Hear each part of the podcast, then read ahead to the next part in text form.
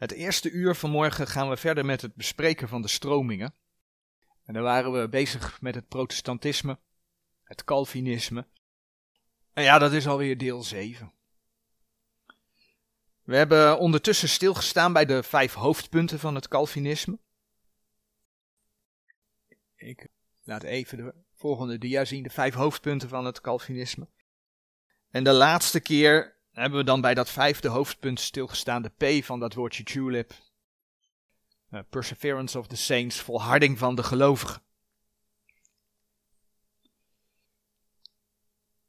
Zo zagen we dat ja, binnen het protestantisme men blijkbaar ook zekerheid in het geloof leert. Maar dan komt hij door al die hoofdpunten die door hen ingekleed worden, door wat zij leren, eigenlijk door de aannames die zij daarmee doen. Bijvoorbeeld dat de mens geen eigen wil zou hebben, door de totale verdorvenheid. Bijvoorbeeld dat de Heere God onvoorwaardelijk zou verkiezen. Bijvoorbeeld dat Gods genade onweerstaanbaar zou zijn. Ja, zou het maar zo kunnen zijn volgens de Calvinistische leer, dat de Heere God jou niet uitgekozen heeft. Ja, en doordat er geen eigen wil is binnen de leer van het Calvinisme, zou je dan nooit bij de Heer kunnen komen. Nooit. En daarom spreekt men ook wel, dat is ook een van die hoofdpunten waarbij we stil hebben gestaan, over beperkte verzoening. De Heer Jezus zou niet voor alle mensen gestorven zijn, maar alleen voor dat selecte, door God uitgekozen clubje. Dus eigenlijk, ondanks dat men de zekerheid in het geloof leert, eigenlijk weet je als Calvinist nooit zeker of de Heer jou uitgekozen heeft. Nou, en dat is wat je onder protestanten merkt. Want ja, het moet je maar gegeven zijn. Maar weinigen hebben de zekerheid in het geloof. En men wordt daarin door de leer ook tegengehouden. Want bijvoorbeeld Romeinen 10, vers 9 en 10, om dat in de praktijk te brengen.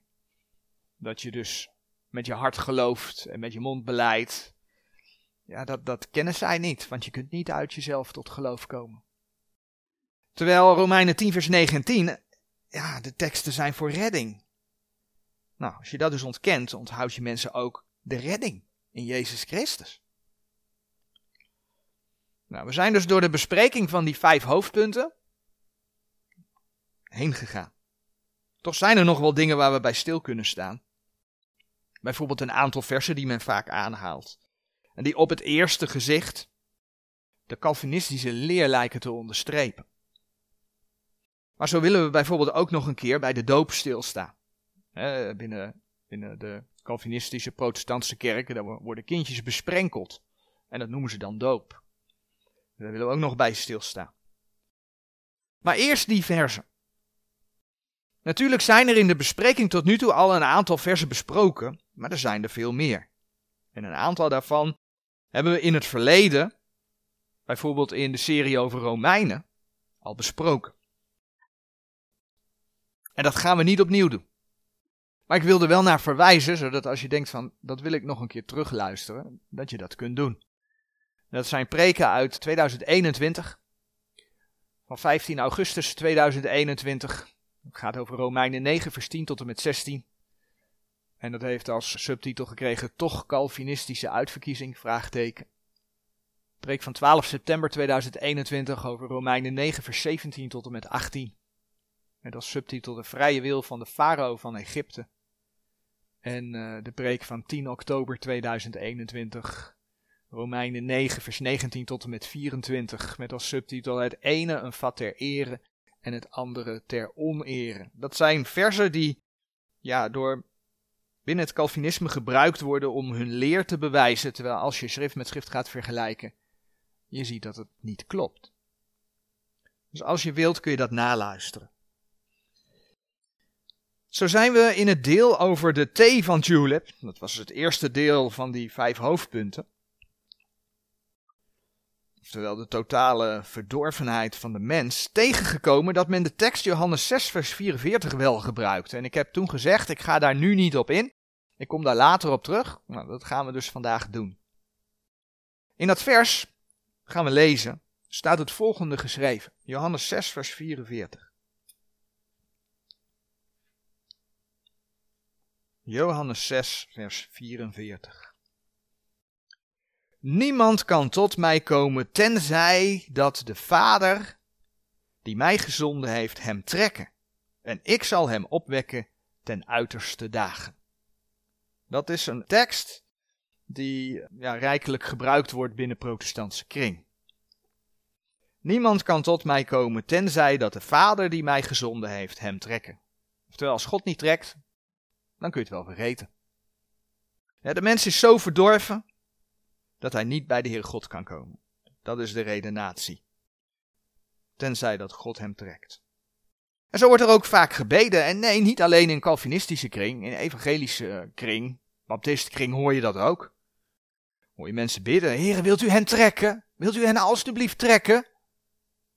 We hebben uitgebreid gezien dat de mens wel een eigen wil heeft. Maar ook dat het Gods wil is dat alle mensen tot hem komen. Maar dan blijft de vraag, hoe zit het dan met dit vers? En niet alleen dit vers, maar bijvoorbeeld ook Johannes 6, vers 37. Enkele versen ervoor. Vers 37. Al wat mij de Vader geeft, zal tot mij komen. En die tot mij komt, zal ik geen zins uitwerpen. Ja, en degene die de Vader hem niet geeft dan? Maar ook Johannes 6, vers 65. En hij zeide, daarom heb ik u gezegd dat niemand tot mij komen kan, tenzij dat het hem gegeven zij van mijn vader. Zie nog een keer staan. Dus uit deze versen blijkt toch dat de Heere God het je moet geven. Nou, zoals zojuist gezegd, hebben we uitgebreid gezien dat de Heere in zijn woord aantoont dat de mens een vrije wil heeft. De mens, daar hebben we ook voorbeelden van gezien, kan zelfs de Heere God afwijzen. Dat is ook wat het volk Israël gedaan heeft. Uiteindelijk zullen ze tot bekering gaan komen, maar ze hebben in eerste instantie de Heer Jezus afgewezen. Ook hebben we gezien dat de Heere God niet per definitie een select en beperkt gezelschap heeft uitgekozen, maar dat het zijn wil is dat alle mensen tot bekering komen. En daarbij roept hij in zijn woord, dat is openbaring 22 vers 17, en die het hoort zeggen, kom, kom. En die dorst heeft komen, en die wil nemen het water des levens om niet. Kom, komen, en die wil. Openbaring 22 vers 17, daar kun je dat lezen. Dus mensen kunnen klaarblijkelijk gewoon tot de Here komen. Nou, als je dan dus een leer hebt die die dingen ontkent, dan klopt er iets met de leer niet. De teksten uit Johannes 6 kun je vanuit de gedachte van de Calvinistische leer lezen, maar klaarblijkelijk strookt dat niet met Gods woord. Dus er moet iets zijn waardoor die versen wel gelezen kunnen worden. En let op, hè, niet door ze te veranderen, maar zoals ze geschreven staan. Maar waardoor de uitleg past binnen de kaders van Gods woord, oftewel de teksten moeten zo te lezen zijn in de context dat Gods woord gewoon klopt. Ja, en dat kan.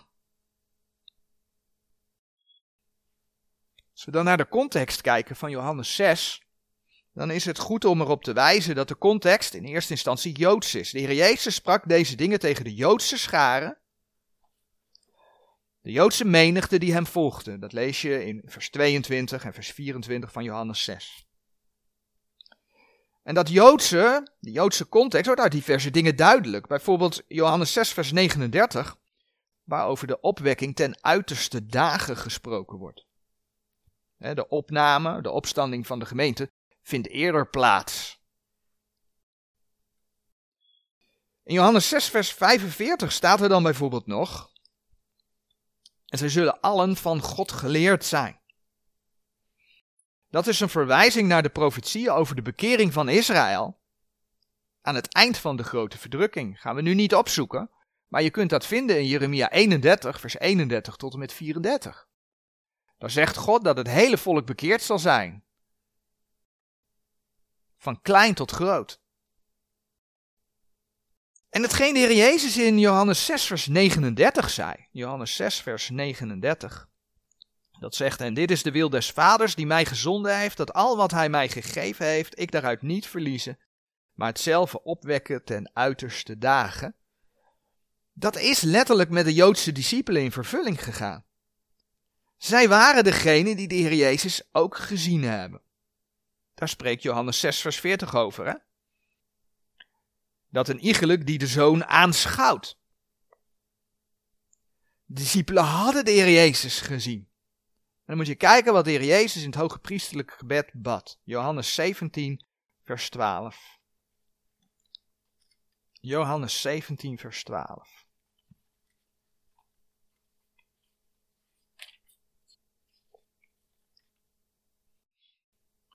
Toen ik met hen in de wereld was, bewaarde ik hen in uw naam. Die gij mij gegeven hebt, heb ik bewaard. En niemand uit hen is verloren gegaan, dan de zoon der verderfenis, opdat de schrift vervuld wordt. En toch, toch kun je die teksten uit Johannes 6 geestelijk gezien ook op de gemeente toepassen. Sommige dingen, zoals hiervoor genoemd, kun je dan alleen niet letterlijk toepassen. Maar als je Johannes 6, vers 37 leest, al wat mij de Vader geeft, zal tot mij komen, en die tot mij komt, zal ik geen zins uitwerpen. Dan lees je daarin de zekerheid des geloofs. Als je door de Heer Jezus Christus een kind van God bent, dan ben je behouden, dan ga je niet verloren. Nou, dat komt precies overeen met wat Paulus aan, aan uh, de gemeente schrijft in Romeinen 10, vers 13. Romeinen 10, vers 13, een bekend vers. Want een iegelijk die de naam des Heren zal aanroepen, zal zalig worden. Dus ja, er is wel degelijk ook een geestelijke toepassing op de gemeente. Nou, dit gezien hebbende, deed de Heer Jezus, en dat is wel een hele mooie, in Johannes 12, vers 32 een bijzondere uitspraak. Johannes 12, vers 32.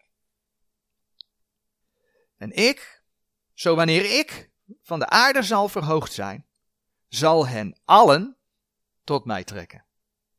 Mooi hè? De Heer trekt allen.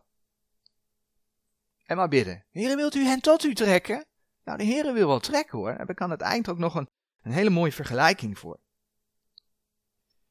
Als we het hebben over de tijd wanneer de Heer Jezus van de aarde zal verhoogd zijn, dan hebben we het over de periode na zijn sterven en opstanding, na zijn hemelvaart. Dus dat is eigenlijk een verwijzing naar de gemeentetijd. De Heer Jezus heeft gezegd dat hij dan allen tot zich zal trekken. De Heer maakt dus geen onderscheid. De redding is inderdaad voor alle mensen. Iedereen kan komen. En toch worden niet alle mensen gered. Dat blijkt uit de schriftgedeelte waar de Heer over de hel, over de poel des vuur spreekt.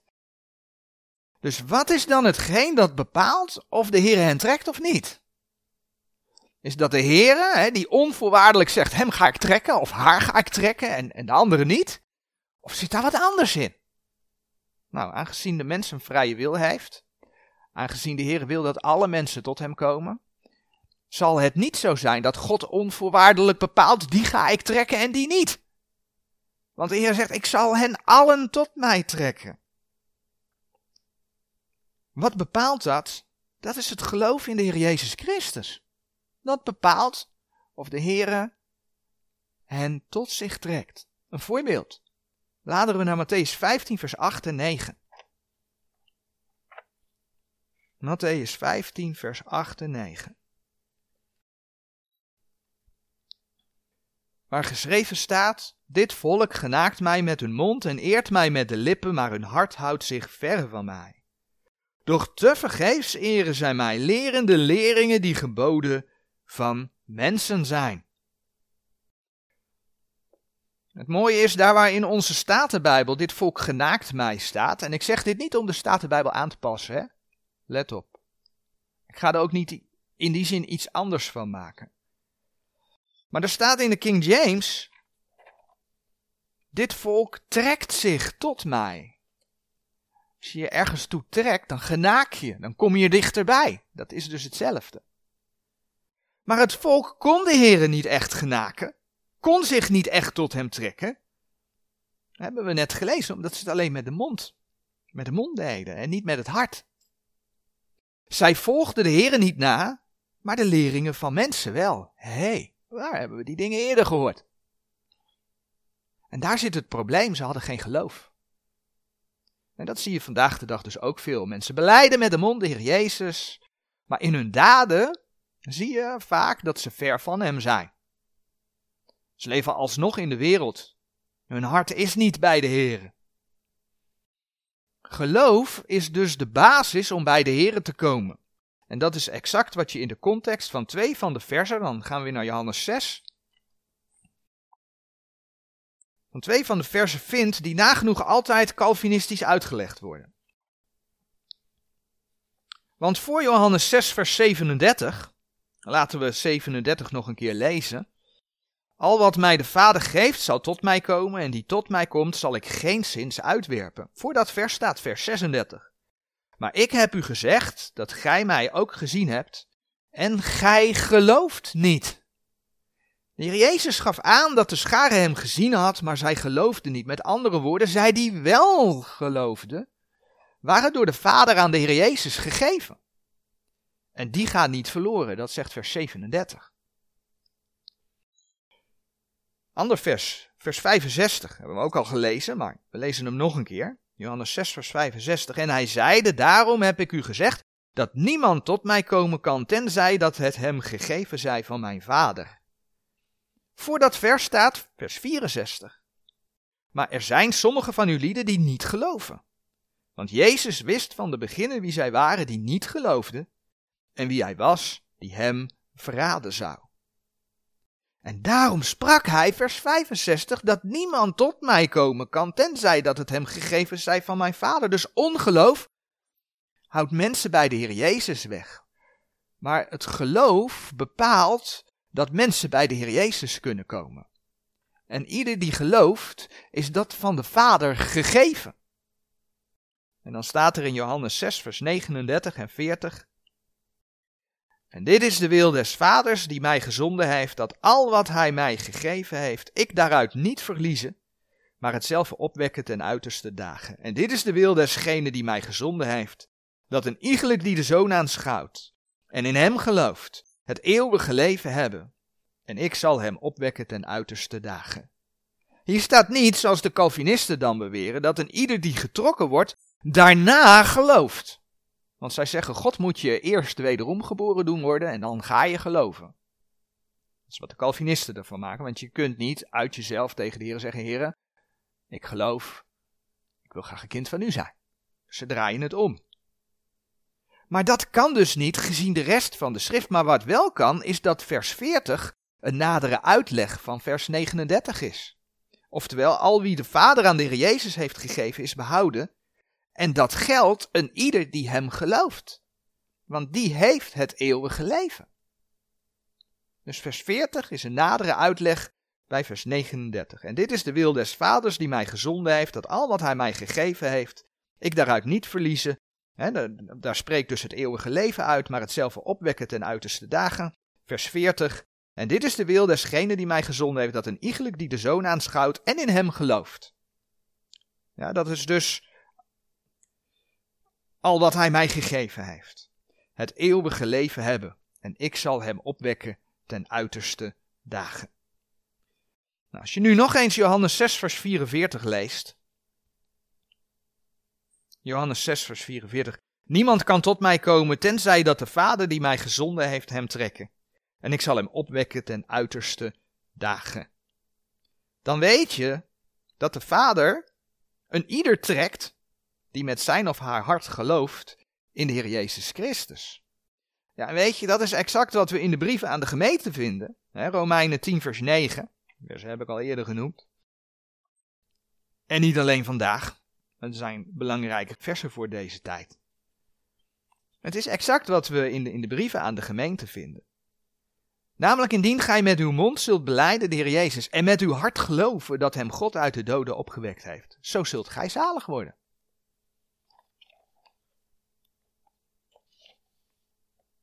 Dus niet alleen met de mond beleiden, maar eerst met het hart geloven. Romeinen 10 vers 10. Geloof is de voorwaarde. En eigenlijk is dat hetzelfde voor een visser en vissen. En bedenk dan dat de Heer tegen Petrus en Andreas zei, dat kun je in Matthäus 4 vers 19 vinden, volg mij na en ik zal u vissers der mensen maken. Ik denk dat we die tekst wel kennen, dat de Heer dat tegen de discipelen zei. Ik zal u vissers der mensen maken. Weet je, de vis, als een visser zit te vissen, wat gebeurt er als hij die dobber ziet bewegen? Dan gaat hij hem optrekken. Dus de visser trekt de vis wel naar zich toe.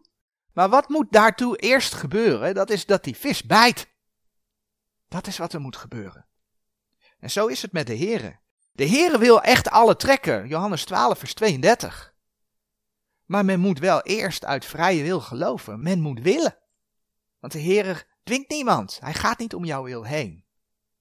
Nou, dat sluit aan, exact aan bij het feit dat we zagen dat er geen onvoorwaardelijke verkiezing is, maar een voorwaardelijke.